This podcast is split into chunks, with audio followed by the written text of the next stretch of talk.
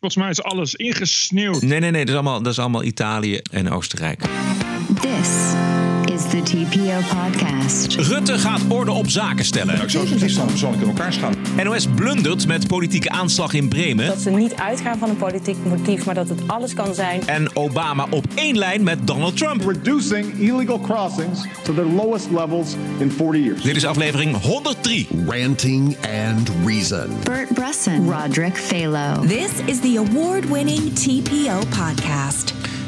Het is eh, maandagavond 14 januari. Goedenavond Bert. Goedenavond, Roderick. Vanavond uh, bereikte ons het bericht dat zaterdag na een korte ziekenbed collega Elma Verheij is overleden, 67 jaar jong.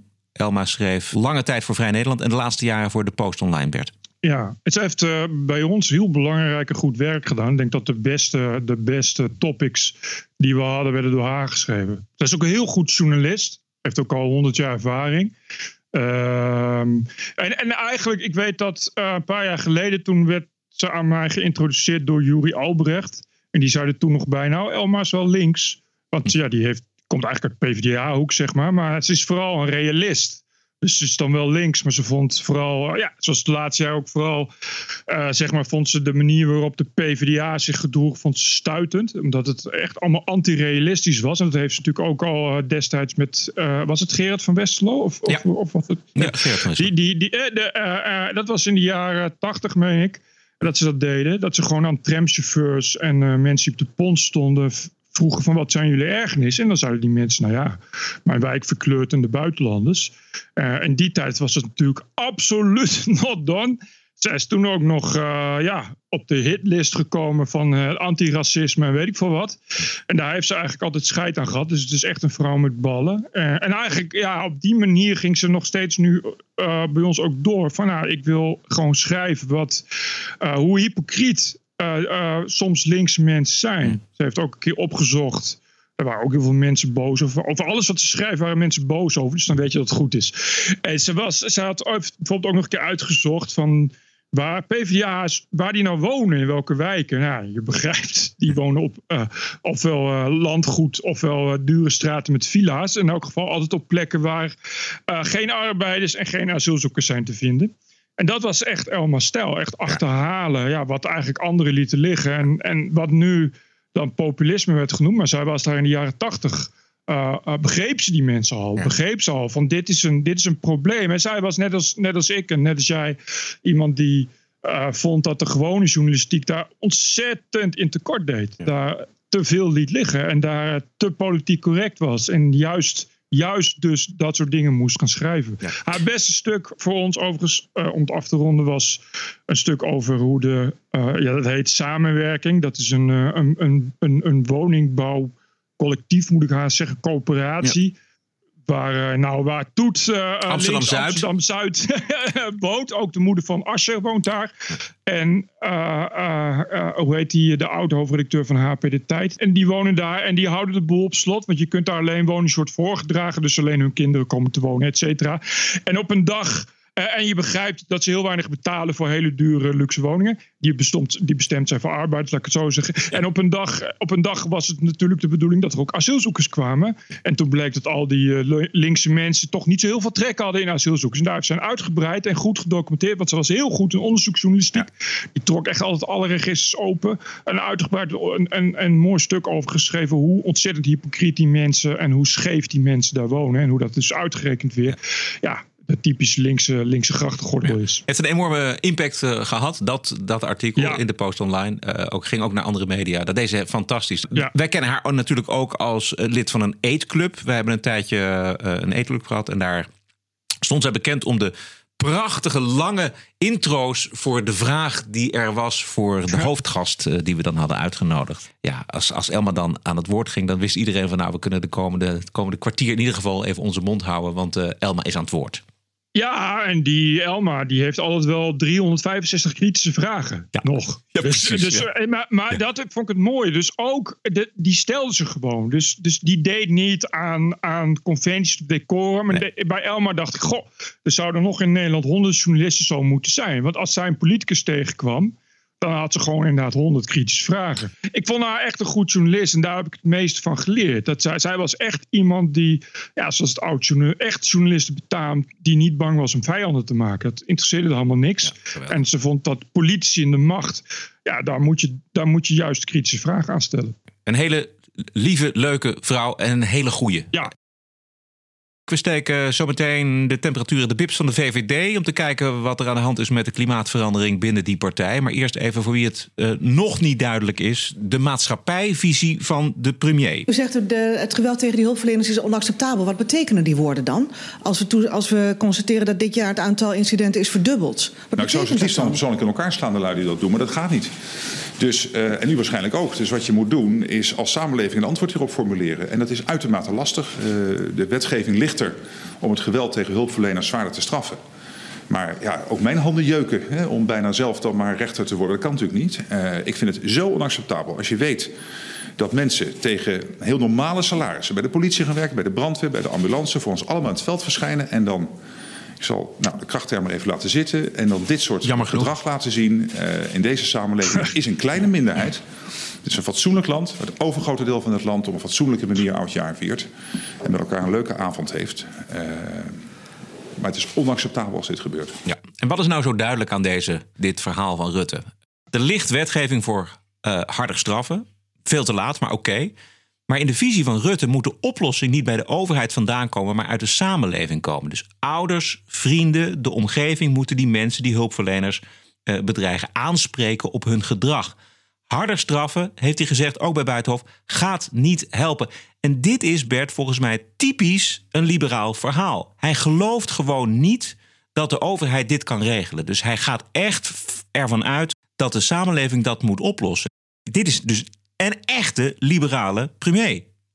dat wel. Maar ja, dan moet je niet gaan zeggen dat hij eigenlijk die mensen in elkaar wil slaan. Want dan ga je wel een beetje het verkeerde idee geven als premier. vrees Ja, hij heeft ook gezegd dat dat is de emotie natuurlijk. Dat, dat is wat, ik, wat, wat in mij opkomt. Dus hij, hij kent wel het gevoel wat wij ook kennen. Wij tamboureren al heel lang op. eh, ja, dat kun je oplossen met harde straffen. Maar deze man gelooft daar gewoon niet in. Nou, dat, dat begrijp ik heel goed. Dat, dat zie ik ook niet echt in dat dat gaat werken. Ik zou zeggen, dat is wel de enige optie die je hebt. Maar als je, qua, qua ideologie is het inderdaad wel iets voor te zeggen om dat niet te geloven. Maar even los van de ideologie, denk jij dat het, dat het wel helpt? Harder, hardere straffen. Nou, wel wat. Ik, kijk, als je, maar, dan, moet- nou, ik, maar dan moet je wel echt harder straffen. Het probleem is dat je harder gaat straffen, is dan eh, twee keer niks, is nog steeds geen straf. Ja. Dan krijg je in plaats van 200 uur eh, taakstraf 300 uur, weet je wel? Dat is het probleem. Je moet dan wel echt voorbeelden gaan stellen. Dan moet je inderdaad gaan zeggen, als je het nog een keer doet. Als je voor de derde keer gepakt bent met het, met het in elkaar trappen van een hulpverlener. Dan, moet je, dan ga je gewoon 20 jaar de cel in. Ja. Maar goed, ik, volgens mij is het zo dat, eh, ik bedoel, in de Verenigde Staten hebben ze doodstraf. Maar het is nog niet dat daardoor minder, minder, weet je, minder mensen vermoord worden of zo. Dus, Ja. dus dat, is, dat is natuurlijk een beetje, je moet de pakkans dan verhogen. Ja. Ik moest denken aan Tsjechië, waar die Nederlandse jongens zijn gepakt voor het in elkaar slaan van een ober. Eh, misschien kun je dat nog herinneren. Ja, Eén of twee van die jongens, eh, die zitten nog- daar nog steeds vast. Die moeten Ja. daar gewoon eh, een paar jaar zitten. En ik kan me voorstellen dat eh, mensen die kwaad willen... of die op vakantie gaan in Praag... dat nog wel eens eventjes in hun achterhoofd houden. Denken van, ja, wacht even, we moeten ons hier wel gedragen. Want voordat je het weet zit je gewoon drie, vier jaar in de gevangenis in Praag. Ja, alleen het probleem is eh, eh, dat bij dit soort dingen gaat het om, om, om agressie die niet in te temmen valt. Weet je wel, de, op het moment dat die jongens dat doen, zijn ze onder invloed meestal. Werkt hardere straffen, werkt dat afschrikwekkend? Wel, nou wel als, je, als het gaat om, om zaken die je berekent. Dus als je eh, eh, weet dat als je fraude pleegt, dat je dan eh, de doodstraf krijgt, ga je minder snel fraude plegen. Alleen dit soort dingen gebeurt ongeacht welke straf er is. Dit soort, dit soort agressie. Ik bedoel, die, die, die jongens die die ober in elkaar hebben getrapt, gingen niet naar Tsjechië met het idee, we gaan een ober in elkaar trappen. Er ontstond ruzie. En dan ineens blijkt dat zo iemand zo'n kort lontje heeft dat hij zichzelf niet kan beheersen. Maar ja, op dat moment is, maakt het hem niet uit of je daar nou één jaar voor krijgt of honderd jaar. Hij kan zichzelf namelijk niet meer beheersen. Wat, maar, wat niet wegneemt dat je volgens mij eh, aan de samenleving moet laten zien dat je er serieus mee bezig bent. Dus dat je streng moet straffen. Ook omdat dat je dat. dat je, en dat vind ik het probleem met dit soort liberaal denken. Dan moet je ofwel gaan zeggen. we zijn de overheid, ofwel, ofwel eh, we, we vinden dat andere. Weet je, dat de maatschappij dat moet oplossen. Maar dan moet dus de je helemaal geloofwaardigheid van de overheid staat op het spel. Nou ja, voor Rutte kennelijk niet, want die is liberaal. En die zegt van de overheid moet dit niet, niet doen. Maar volgens mij moet de overheid dit wel doen. En, en als, als het niet zo is, dan moet je de overheid ook helemaal weghalen. Maar dan moet je, het probleem wat je dan krijgt, is dat iemand het moet doen. Want er zit natuurlijk een enorm gat tussen eh, opvoeden en, en debat en weet ik veel wat voor gelul. En het moment dat het gebeurt. Er moet dus een beveiliging zijn dat het niet gebeurt. En volgens mij, als je een echte liberaal bent, zeg je: ik wil zo weinig mogelijk overheid. Maar ik wil ook dat de mensen, de burgers, de mogelijkheid hebben om dat dan zichzelf te verdedigen. Dus dan moet je een vuurwapenwet kunnen invoeren. Of je moet inderdaad de straf op zelfverdediging minderen. Dat soort dingen. Dan krijg je dus, dus echt Amerikaanse ideeën van, van zelfverdediging. Of je moet zeggen, ja, dan moet je ook de mogelijkheid hebben om, om bijvoorbeeld particuliere beveiligingsdiensten met elkaar te kunnen laten con- concurreren. En als je dat niet wil, dan moet je ervoor zorgen dat de overheid het doet. Het is één van die twee. En daar zit de hele tijd het gat. Dat is ook het gat waarin we in zitten. Het is één van die twee. Ofwel eh, de zwaardmacht bij de overheid. Of de zwaardmacht bij de burgers. Wat er in Nederland is, in is geslopen is. De zwaardmacht ligt bij de overheid. Oh, we hebben geen zwaardmacht. Maar de burgers mogen het ook niet. Ja, dat was, dat was niet de bedoeling. En dan krijg Zo je, was- eh, zo en was dan- het niet bedacht. Exact. En dan krijg je de frustratie en de gele hesjes, et cetera. Eh, hebben we het zo meteen nog over, over de gele hesjes. Eh, maar eerst nog even dat telegraafinterview met fractievoorzitter van de VVD, Klaas Dijkhoff. Die zegt daarin gewoon, ik heb, ik heb helemaal geen akkoord. Eh er hebben mensen een akkoord met zichzelf gesloten. En dat hebben ze aan de politiek overhandigd. En nu moeten wij daar een oordeel over geven. En Rutte is het daar 100% mee eens. Maar zegt dat net even anders. Heeft u het met Dijkhoff over gehad? Ja, vanzelfsprekend. Eh, vanzelfsprekend. Dus u wist dat dit verhaal zou Ja, komen? niet precies elke letter, maar ik, ik, Bent u het met hem eens? Nee, ik, ik, ieder kiest zijn eigen woorden. Dus ik ga niet het hele interview hier recenseren en elke letter tot de mijne maken. Nee, dat hoeft ook niet. Je hoeft niet elke letter, maar je kunt toch wel zeggen, antwoord geven op, het vra- op de vraag van Diana Matroos. wou net zeggen. Bent u het eens met de strekking van Dijkhoff? Maar als ik kijk naar het interview wat bij Jinnik gegeven is door Rob Jetten... en nu het stuk van, van Klaas Dijkhoff... dan denk ik dat we hier met elkaar uit kunnen komen. Ja, we gaan die doelen halen. Dat moet ook niet omdat we dat zo leuk vinden... of omdat dat van de Amsterdamse elite moet... maar omdat heel Nederland niet wil dat deze troep wordt doorgegeven... aan de volgende generatie. We rommelen ruim het zelf op. Dat geeft ook heel veel economische kansen. Eh, daarnaast eh, eh, moet het op een manier dat, dat mensen dat kunnen meemaken... dat we snappen wat we in ons eigen leven eraan kunnen doen. Het is natuurlijk verkiezingstijd, eh, Bert. Ja. Laten, laten we daar geen eh, doekjes om winden. Eh, dus mensen, zeker deze politieke partijen, willen zich profileren. Maar even los van die verkiezingsretoriek heeft Klaas Dijkhoff daar natuurlijk wel gelijk. Hè? De volksvertegenwoordigers die zitten daar namens ons. En wij moeten Ja. ons nog helemaal uitspreken over die maatregelen. Dat is, dat is ook niet het probleem. Nu heeft hij gelijk. Maar eh, in juni was hij nog heel blij dat er een eh, klimaatakkoord was. In samenspraak met eh Dylan Jisselgus van, van de VVD. eh, toen stonden ze inderdaad heel blij voor de Kamer. En dat klonk zo. Ja. We hebben een klimaatwet. Nou, dat is mooi. Ja, vind ik ook. Maar wat staat erin? Nou, er staat in hoe we de planeet eh, goed achter kunnen laten voor de generaties na ons. Maar er staat nog niet in die wet hoe dan. Nee, dat staat er nog niet in.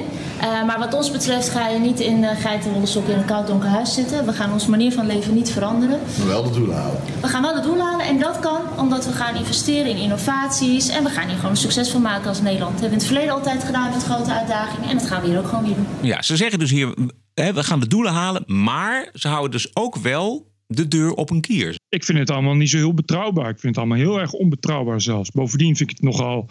Ik begrijp wel dat die rest van de coalitie daar nou niet echt eh, blij mee is.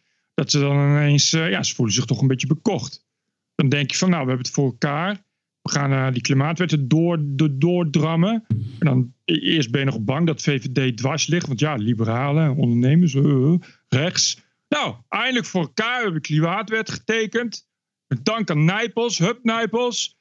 Eh, iedereen aan de zonneboilen en weet ik veel wat. En dan nu ineens krijg je uit het niks krijg je dan te horen van je, van je coalitiepartner. Ja, nee, is misschien toch, toch eh, ja, niet, niet helemaal. Nee. Is niet helemaal. Nee, maar ik, Ja, ik, denk, dit, ik denk dat er meer aan de hand is daar in, de, in die coalitie. Met name tussen de VVD en D66. Eh, en niet alleen over het klimaat. Maar ook over de eh, Nederlandse handelsbelangen. Daar zit ook een D66-minister, Sigrid Kaag. Eh, oh ja, die met het hoofddoekje. Ja, precies. Eh, VVD Tweede Kamerlid Wieben van Haga die vindt eh, dat Kaag te veel bezig is met maatschappelijk verantwoord ondernemen en vrouwenrechten. Inderdaad, Nou, inderdaad met een hoofddoek in Iran. Dat zij onvoldoende de belangen van het Nederlands bedrijfsleven in de wereld vertegenwoordigt. Ja! Ja, echt waar. En, en D66-Europarlementariër Marietje Schaken... die heeft dan op Twitter weer gezegd... wat een sneuwe VVD-aanval op Sigrid Kaag. Het is echt gezellig in de coalitie volgens mij. Erg leuk, erg leuk. Nee, dat, dat is. eh, eh, daar eh, zal eh, Dijkhoff ook wel inderdaad. En de ex, dat is een- voor Dijkhoff een extra motivatie geweest. om in elk geval die sneer uit te delen. Precies. Even flink te poken. Ik weet niet wat de strategie is. Ik vond het wel. Hij is, ik, ik, ik, ik betwijfel of het. Of hij dit had zien aankomen, dat de backlash wel heel groot. Want ik vond het erg overkomen. Dus als een goedkoop propagandapraatje. Kijk, wat duidelijk dat- is, is dat de VVD gewoon in een spagaat zit. Ik bedoel, ze hebben een, een de- zij leveren de premier. eh die premier moet het kabinet bij elkaar houden. En er gebeuren vast allerlei dingen waar ze het niet mee eens zijn. En ze moeten zich ook nog verantwoorden naar de, naar de kiezer. Dus dat, en, en, het, en het, misschien is de er- ergernis wel heel groot. Jij hebt in, in deze podcast een keer gezegd hoe belangrijk Pechtold was voor, voor die coalitie. Ja, en dat er wel degelijk iets kan veranderen met die, met die Rob Jetten. Nou, misschien is dat nu wel aan de gang. Misschien, misschien ligt Rob Jetten wel echt heel erg slecht bij de VVD. Dat kan. Ja, maar volgens mij, volgens mij Rutte, die, die, ik denk nog steeds dat hij naar Brussel gaat. Wat jij? Nee, Johan, dat, dat, dat, dat De- moet ik eerst zien. Ik word daar zo moe van, die, van al die verhalen. Die, iedereen die dat maar blijft roepen. Afgelopen, afgelopen zondag ook weer. Ah, Ik, weet het niet. We hebben het daar al een keer eerder over gehad. En iedereen is voortdurend... Dat hele Twitter staat bol van dat soort suggesties. En ik geloof er... Ik geloof niemand. Ik vind het allemaal zo makkelijk en goedkoop. En, eh, want hij zit hier eh, toch alleen maar voor zijn eigen hachie. En dat is ook weer niet waar. Hij zit hier niet alleen Nee. voor zijn eigen hachie. Dus ik vind, ik laat, laat die man nou eerst naar, naar Brussel gaan. Maar ik vind, nee, ik, ik, ik vind het in dat flauw. Ik heb bij Rutte nooit het idee. Want eh, ik sowieso vind ik dat, dat als je premier wordt, dat doe je niet om je zakken te vullen. Nee. Zeker niet, zeker niet als VVD, want dat zijn allemaal mensen die het allemaal prima voor elkaar hebben. Die kunnen het tienvoudige verdienen in bedrijfsleden. Dus daar word je geen, geen premier voor. Dat vind ik ook niet. Bovendien, Rutte is volgens mij best. eh, s- ja, het is ook iemand die volgens mij echt al, al, al jarenlang maatschappijles geeft. Precies, voor niks. Wel dat soort dingen, voor niks. Weet je, voor, bedoel, dan ben je toch, heb je toch echt wel een serieuze betrokkenheid. Dus, dus ik vind het. Maar aan de andere kant, ja. Het is meer als je. Kijk, hij is al, al, al weer flink in de 50. Dus, dus nou ja, hij kan dan naar, naar Brussel. En dan. eh, Allemaal speculatie, Bert. We gaan eh, zo meteen eh, uitgebreid eh, kijken naar wat er in Amerika gebeurt. Maar we zijn nog lang niet klaar met Nederland. Want we hebben ook in Nederland gele hesjes. Ranting and Reason. Ja, de Nederlandse gele hesjes die worden echt een afspiegeling van de samenleving, zou je kunnen zeggen. Ook hele domme mensen die eh, iedere verkeerde stoeptegel verklaren aan de hand van de protocollen van Zion, die lopen mee. Laten we even luisteren. Wij hebben euro's, maar die zijn niks meer waard. De mensen hebben het zo voorbij gedrukt dat we alleen nog maar papier en digitale cijfers hebben. Het echte geld ligt hier opgeslagen bij de Nederlandse bank. Het is niet alleen maar goud, maar ook zilver wat waarde heeft. Zilver heeft een veel grotere waarde dan goud, omdat het zeldzamer is. Dus mensen, koop zilver en we halen de Rothschilds onderuit. Onze onderdrukkers, onze dictators. De mensen die de wereld in bedwang houden. De mensen die de wereld voor 60% bezitten. Het moet afgelopen zijn. Oh man, man, man. Ik heb nog eventjes... dit- Ja? Dit zijn dus exact dezelfde mensen die ook Occupy deden. Dat was precies, ik heb dat zo voorspeld. Ik heb daar laatst een column over geschreven van hoe het gaat met de gele hesjes. Dat is altijd na, na één of twee maanden worden dit soort mensen die erop afkomen. Dit zijn van die, van die extreem linkse complotgekkies. Iets anders kunnen niet van maken. Precies Ja, hetzelfde. of extreem rechts, hè? Want dit, dit is gewoon dit is, dit is Ja, puur ook- antisemitisme. Nou ja, dit, maar, maar goed, Ja, dat komt ook bij links voor. Het, het, het, het zijn echt gekkies. Dat Ja. zag je toen bij Occupy ook. Dat is uiteindelijk, ja, Occupy was natuurlijk ook een soort van, nou, veelbelovend verzet, niet waar? Dat, toen dat begon was het nog, dat mensen ook echt, dat waren ook mensen van naam die dan in een tentje gingen zitten. Het was natuurlijk best, best een idee, dat wereldwijd. Maar uiteindelijk was het, ja, een soort, soort junks en zwervers, Ja. die met z'n allen naar Occupy plekken gaan. Iedereen ja, tegen het kapitalisme. Ja, ja, en eh, precies dat. Boe, tegen het kapitalisme. Dus, en, dan, en het is altijd, dan wordt het een soort, ja, het wordt een soort complot over de nieuwe wereldorde. En dat is het Joodse kapitaal en de internationale jodendom en de Nederlandse bank. Dat schijnt ook een soort onderdrukker te zijn. En dat is allemaal, allemaal lijntjes met elkaar. Nou ja, weet- je, het gaat altijd zo. Die beweging in Nederland is altijd, weg. Ja. Dus het is binnen, binnen, binnen, het is twee keer en dan hop, is, is, is, blijven er dertig van, van dit soort idioten over. Ja, maar ook in Frankrijk eh, komen allerlei onfrisse types eh, bovendrijven in deze beweging. Ik bedoel, dat, dat, dat, zie, Hmm. dat zie je ook. Hè? Dat zie je misschien bij iedere revolutie. Het zijn toch ook Ja, weer de verkeerde mensen juist. die denken dat, eh, dat ze aansluiting vinden bij, de- bij dit protest. Nou ja, juist omdat het natuurlijk, alles wat revolutionair is, dus extreem links en extreem rechts, komt erop af. Ik Ja. begreep dat eh, ze vermoeden ook dat er veel buitenlandse invloeden zijn. Dit gaat dit keer eens niet over de Russen. Daarom vond ik het ook een stuk aannemelijker. Inderdaad, Italiaans extreem rechts en eh, weet je wel, en, en eh, Vlaams extreem rechts gaat dan natuurlijk ook heen. En dat is natuurlijk een probleem. Want wat je krijgt is dat mensen met goede bedoelingen beginnen. Die komen op zaterdag bijeen een beetje demonstreren ja, de mensen die er nu nog staan, dat is natuurlijk toch een heel ander slag mensen. Dat zijn de hardcore, eh, ja, hardcore demonstranten. En ik heb ook al, moet ik zeggen, een hoop plaatjes gezien van mensen met inderdaad met eh, communistische vlaggen en weet ik veel wat voor shit. En daar zit natuurlijk ook een hoop eh, mensen bij die bereid zijn tot geweld. Dus het is nog een beetje a- vragen van hoe dat uiteindelijk afloopt. Uiteindelijk blijven alleen nog maar dat soort mensen over. Ja, en dan is het gewoon afgelopen volgens mij. Dat, dat als er geen intellectuele of, of hè, als, er, als, er niet, als er niet echt iets vanuit de maatschappij een geloofwaardig, eh, ge- geloofwaardige st- stimulans brandstof is eigenlijk voor deze beweging, dan, dan kan het misschien nog een paar maanden eh, doorgaan. Maar dan op een gegeven moment houdt het toch op. Nou ja, je moet. Het, het- volgens mij is het risico dat het dan dus overslaat naar de rest van, van, van, van revolutionairen die daartoe bereid zijn. En dat, dat lijkt inmiddels gewelddadigen. best wel.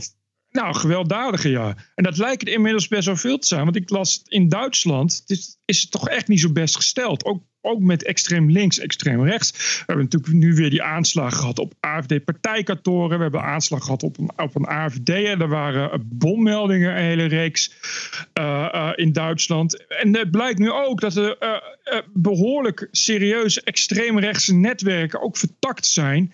Flink vertakt aan bijvoorbeeld het Duitse leger en de Duitse politie.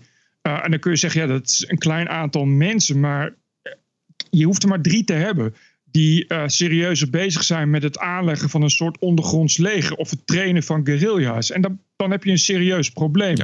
We hebben nu we hebben die hacker, dat was een 20-jarige jongen, die ook heeft toegegeven, nou, ik heb de, de, de gegevens van politici, heel veel politici, heel veel gegevens online gezet uit onvrede met het beleid. Hij was vooral pro-AFD en hij zei, nou, ik, dit is de, hij zei letterlijk, dit is voor mij de enige manier om eh, de Arabische criminele clans te verslaan. Daar heeft hij een punt. Want de Arabische criminele clans zijn eh, steeds meer en steeds serieuzer dreiging voor, voor Berlijn, voor steden in het Roergebied, waar de, nou, de, de politiek en de politie en justitie steeds minder vat op lijken te krijgen. Dus er broeit wat. En dat is natuurlijk een risico bij dit soort dingen. Ja. En we zagen natuurlijk afgelopen week eh, die aanval op, dat, op die AFD-politicus Frank Magnitz in het centrum van Bremen. Eh, die man is in het ziekenhuis eh, ingeslagen en is daar opgenomen met een eh, enorme hoofdwond. En volgens de AFD lijkt het op een moordaanslag, maar volgens de NOS valt het allemaal reuze mee.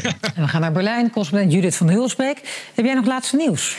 Ja, we hebben de openbaar aanklager in Bremen gesproken. En uit dat gesprek blijkt dat het toch misschien wel iets anders zit- zit als de, A- dan de AFD zegt. Eh, ze hebben de videobewakingsbeelden van de aanval bekeken. En daarop is te zien dat Martins naar zijn auto loopt. Dat er drie mannen met hoodies inderdaad achter hem aanlopen. En hem in het voorbijgaan een harde duw geven met een elleboog. Hij valt dan op de grond en de mannen lopen door. Op deze beelden is bijvoorbeeld niet te zien dat er een, een voorwerp wordt gebruikt waarmee hij geslagen wordt. Of dat ze hem tegen zijn hoofd schoppen. Nou, en volgens de openbaar aanklager kan het goed zijn dat de wond veroorzaakt is door die val. Nou, voor de rest benadrukte hij ook nog een keer dat, dat ze echt in alle richtingen onderzoek doen. Dus dat ze niet uitgaan van een politiek motief, maar dat het alles kan zijn. En dat is toch wel een beetje een andere wending op deze dag. Dat het heel erg ging over demonisering van de AFD, over een politieke aanslag en wie daar de schuld voor had. Het lijkt erop dat we toch nog heel even moeten wachten voordat we kunnen zeggen hoe we deze aanval moeten duiden. Ja. Waar ze wel gelijk in heeft, is natuurlijk dat, dat de AFD zei dat er met een stuk hout was geslagen. Ja, Hè, en dat, eens, dat, dat, we hebben die beelden inmiddels allemaal gezien. Dus we hebben ook gezien dat dat niet het geval is. Maar het was ook niet goed te zien. Misschien had hij wel toch wel een hamer in zijn hand of iets dergelijks. Weet je wat? Het is wel Precies. een gigantische wond eh, wat die man had. En die man is niet voor niks opgenomen in het ziekenhuis. Maar wat ik wel opvallend vind, is dat. dat het onderwerp is niet hoe is het met die man en wat, is er, wat zit er allemaal achter. Maar dat het vooral is, de AFD roept moord en brand. En dat valt eigenlijk wel mee. Nee, ja, ik vind het probleem bij die NOS is natuurlijk... eh, je kan hiervan zeggen dat ze gewoon goed hun werk doen. Dat ze proberen zoveel mogelijk feiten te vertellen. Want ja, die aanklager zegt dat. Maar ten eerste proef je de opluchting van... oh, zie je wel, het is toch nog gezellig gebleven. Zo helemaal niet per se demonisering. Want stel je voor dat de demonisering... daar bestaat helemaal niet dat er aanslagen worden gepleegd op demonisering. Hebben we in Nederland ook nog nooit gehad. Dat er van demonisering aanslagen komen. En veel erger is dat, eh, op, eh, dat je nu al weet... dat op het moment dat dit iemand van de Groenen was... of eh, van, van, van, van de Duitse PvdA, van de SPD... dat het dan heel anders gaat bij de NOS. En dat is dus het probleem. Je, je voelt daarin dat het... ah, nou ja, als AFD, dan moeten we niet snel conclusies trekken. Maar als het, weet je, als het, als het andersom is, als er in, eh, in, eh, in, eh, in, in Duitsland mensen hooligans de straat op gaan en zo, oh, extreem rechts en neonazies. En dan zijn er meteen filmpjes van mensen die op allochtonen jagen. En dat is dan allemaal onbetwijfelbaar waar. En dat is een beetje het probleem. Je voelt echt dat het dan, als het maar aan de juiste kant zit, of in dit geval aan de verkeerde kant voor de NOS. Nou, dan moeten we er toch maar heel lang nog maar eens aan twijfelen. Het liefst oneindig. Nou, plus Liefst als je dan toch nog eh, de eh, feiten aan het verzamelen bent, dan, dan moet je ook de context scheppen. Waaruit blijkt dat er nog heel wat meer aanslagen op eh, kantoren en, en mensen van de AFD gepleegd worden. In dat licht past deze aanslag ook. The FM Talk Station. The Rush 24 7 podcast. Los Angeles. And now, America's most exciting radio talk show, The Savage Nation. And we're here. How the hell did we get here? TPO Podcast. News Talk Radio 77, WABC, New York City. Ja, de mainstream media in Amerika afgelopen weekend weer eh, in rep en roer. New York Times en de Washington Post die hadden de tekst toegespeeld gekregen van eh, de congresverhoren van twee voormalige FBI-advocaten. Nou, wat daar allemaal in staat. Now, these two transcripts of the two FBI officials' closed door congressional interviews reveal, on one end, that there was the idea that Trump fired Comey at the behest of Russia. And then on the other was the possibility that Trump was completely innocent and was acting within the bounds of his executive authority. Now, James Baker, the then top FBI lawyer, described the FBI's thinking about Russia, saying, quote, that was one extreme. The other extreme was the president is completely innocent, and we discussed that too, he said. Ongelooflijk. Heeft Trump voor de Russen gewerkt? Is, is het vraagteken. En alle mogelijkheden zijn besproken. Maar verder is er 0,0 nieuws. Behalve voor CNN. What a weekend, and now we have more. Breaking news this morning. CNN has obtained transcripts, transcripts that explain why the FBI opened an investigation into whether the President of the United States was working on behalf of Russia against American interests. If that's not enough drama, we are in day 24 of the government shutdown. It is now the longest in American history. The walls are collapsing, ladies and gentlemen. Maar dit is, dit, is, dit is wat ik ervan weet, Bert. Misschien weet jij meer. Maar er, zijn dus, er is gelekt uit die congresverhoren. En dat zijn twee voormalige advocaten van de FBI. Waarvan er één heel erg anti- anti-Trump is. En die, die, teksten die zijn gelekt. Dat is een soort van cliffhanger voor die mainstream media. En daar gaat het dan weer eh, de komende week over. Ja, en het is altijd een cliffhanger. En dat je denkt, oh, nou, ik ga de volgende aflevering kijken. Want ik wil, ben wel benieuwd hoe het afloopt. En dan is hele tijd weer niks. Ik ga de hele tijd weer dit. Het is een heel verhaal. Heel verhaal. Nou, Oké, maar we zijn eigenlijk dus nog geen steek verder. We hebben eigenlijk nog geen echte antwoorden. Precies. Nee, dat niet. Nee. En, wat, Oké. en, wat, Oké. zegt, en, wat zegt Trump eigenlijk? I never worked for Russia. And you know that answer better than anybody. I never worked for Russia. Not only did I never work for Russia, I think it's a disgrace that you even asked that question because it's a whole big fat hoax. It's just a hoax. Geweldig. Fat Wat hoax. een baas. Nou ja, het is, het, wat, wat natuurlijk wel gevaarlijk is, die shutdown van de Amerikaanse overheid. Die gaat volgens mij Ja. zijn vijfde week in. Gevecht tussen eh, de Republikeinen en de Democraten. Het gaat over de begroting. Daarin zit geld gereserveerd voor de afgrendeling van de grens met Mexico. Met een muur of een nieuw hekwerk, whatever. Eh, maar natuurlijk gaat het gevecht niet om dat hek of om die muur, maar om de presidentsverkiezingen volgend jaar. En de Amerikaanse presidenten die roepen al decennia lang dat er iets moet gebeuren aan die grens met Mexico. Bill Clinton. All Americans, not only in the states most heavily affected, but in every place in this country, are rightly disturbed by the large numbers of illegal aliens entering our country. The jobs they hold might otherwise be held by citizens or legal immigrants. The public service they use impose burdens on our taxpayers. That's why our administration has moved aggressively to secure our borders more by hiring a record number of new border guards, by deporting twice as many criminal aliens as ever before, by cracking down on illegal hiring, by barring welfare benefits to illegal aliens. In the budget I will present to you, we will try to do more to speed the deportation of illegal aliens who are arrested for crimes. It is wrong and ultimately self defeating for a nation of immigrants to permit the kind of abuse of our immigration laws we have seen in recent years, and we must do more to stop it. Dit is Trump tekst. Wat een racist, die Clinton. Dat zal dan wel een vuige republikein zijn geweest. Volgens mij al ver voor Clinton was het al zo. Dat is het rare ook. Dat het, is, het is zoiets eh, eh, belangrijks en gevoelig dat dat al eh, in elk beleid zit. Ik kan me ook herinneren dat toen we hier allemaal moesten gaan huilen om de opgesloten kindjes. Het was allemaal de schuld van Trump. Die zaten in kooien opgesloten die nog door Obama zelf waren ontworpen. Weet je, dat idee. En daar hoor je dan helemaal niks van. Wat, wat extra raar is dat het, het oorspronkelijk hoort de strijd tegen illegale immigratie bij de Democraten. De Republikeinen Ja. die vonden het eigenlijk Ja. altijd wel best. Weet je, goedkope arbeidskrachten, hogere winsten. Democraten die zagen de illegale als concurrentie voor de Amerikaanse arbeiders. Exact. Die dempten de lonen en die verdrongen de Amerikaanse arbeiders van de arbeidsmarkt. Dat is nu compleet andersom. Ja, nou ja, goed. Maar hetzelfde zie je natuurlijk bij de, bij de PvdA. Of, Ja, precies. Bij de, bij de socialisten. Exact, Eh, maar dit is dus, dit is, daarom is het zo'n mooi voorbeeld van hoe de Democraten, hoe links die Amerikaanse arbeidersklasse verloren is. Dat, is dit, dat komt hier volledig tot uiting. dat je dat ook niet snapt. Dat Nee, dat je het niet Dat, je snapt. ook, dat je juist, de, de, juist, juist de, eh, de mensen die democraten zouden moeten stemmen... zijn hier het slachtoffer van. Ja. De, de kinderen die ontvoerd worden, de mensen die vermoord worden...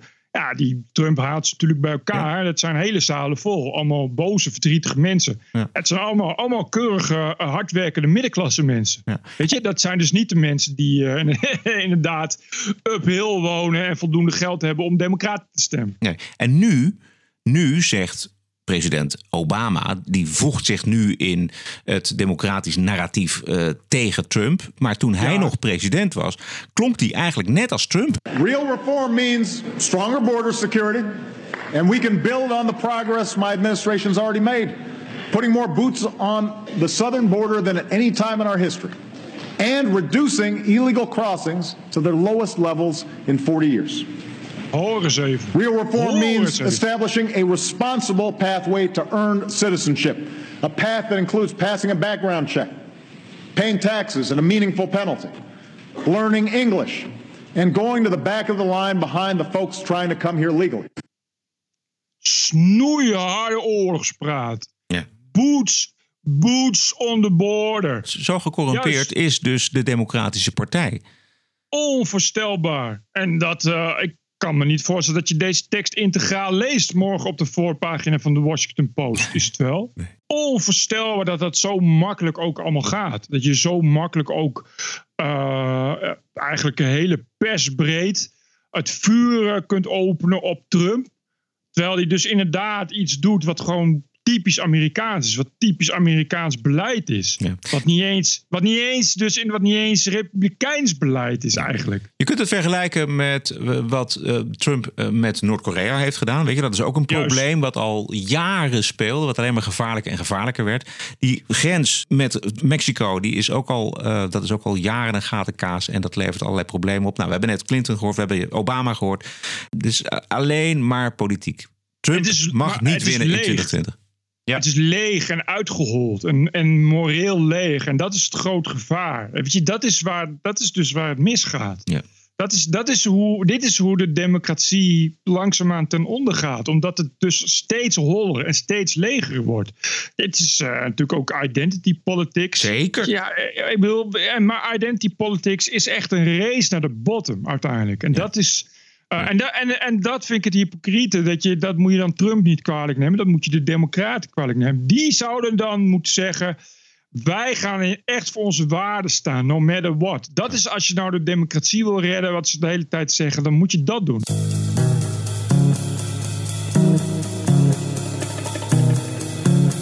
TPO Podcast.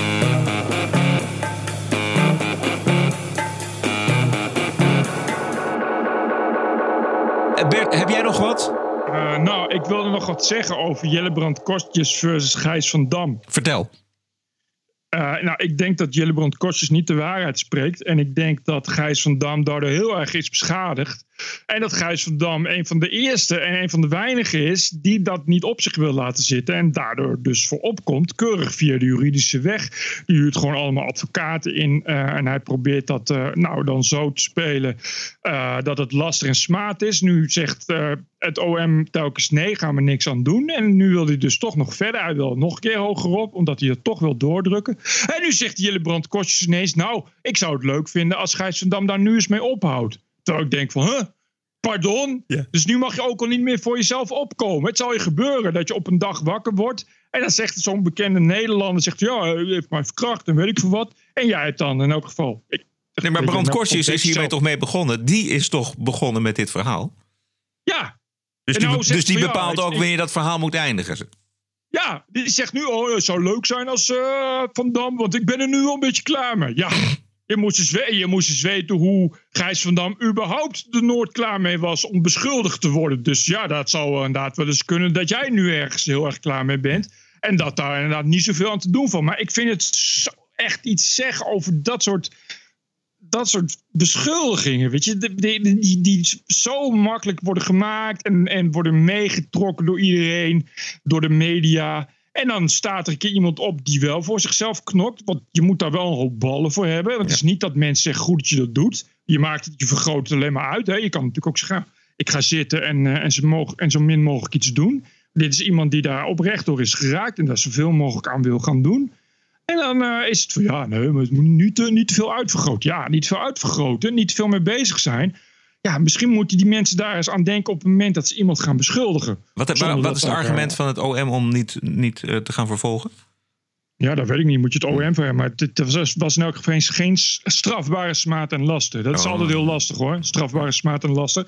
Ik, zou ook, ik zou meteen civiel gaan. Gewoon schadevergoeding eisen. Dat gaat hij misschien ook nog wel, geloof ik. Maar ja, het argument is dan natuurlijk dat het, dat, dat ja, nou, via de juiste kanalen met voldoende wederhoor en nou ja, mening, et cetera. Het is bij sowieso bij, bij eh eh, smaad en lasten moet daar ook wel doelbewust de reden voor zijn om iemand kapot te maken. Dat is natuurlijk iets moeilijker aan te tonen in dit soort gevallen. Ja, precies. Oké, nou dan laten we het hierbij. We hebben hier de mensen hebben weer ruim voorzien van allerlei mooie dingetjes die je ergens anders niet hoort. Wat overigens goed is dat ik dat even zeg. Goh, wat goed ik daarop kom. Dit zijn zulke mooie geluiden die wij, die wij laten horen. Dus het zou heel goed zijn als mensen daar dan een bedrag aan spenderen. Een soort donatie, laten we het zo zeggen. Dus dat wij dan, dat wij dan nou heel klein hoeft niet. Weet je, het is niet dat we daar voor in de quote 500 willen komen. Maar dat wij dan een beetje geld terugkrijgen voor al het werk. En daarom blijven wij gewoon bestaan als bijna dit enige vrije radio, radiovrij Europa. Ja.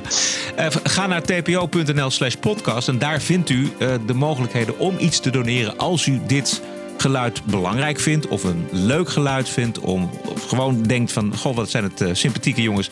Eh, die moeten daar nog even mee doorgaan. Ieder bedrag is van harte welkom. Eh, het is een, voor ons een steuntje in de rug. En kunnen wij technisch ook weer uitbreiden want we gaan volgende week komt deze podcast deels vanuit Val d'Isère in de Franse Alpen. En dat kan allemaal dankzij de donaties van, van jullie. Daar zijn we ontzettend blij mee. Dus eh, blijf vooral doneren. Ga naar tpo.nl slash podcast. Wij zijn terug, Bert, 22 januari. En dat is volgende week dinsdag. Dag, tot dinsdag. Tot dinsdag. TPO Podcast. Bert Bruson, Roderick Balo, Ranting and Reason.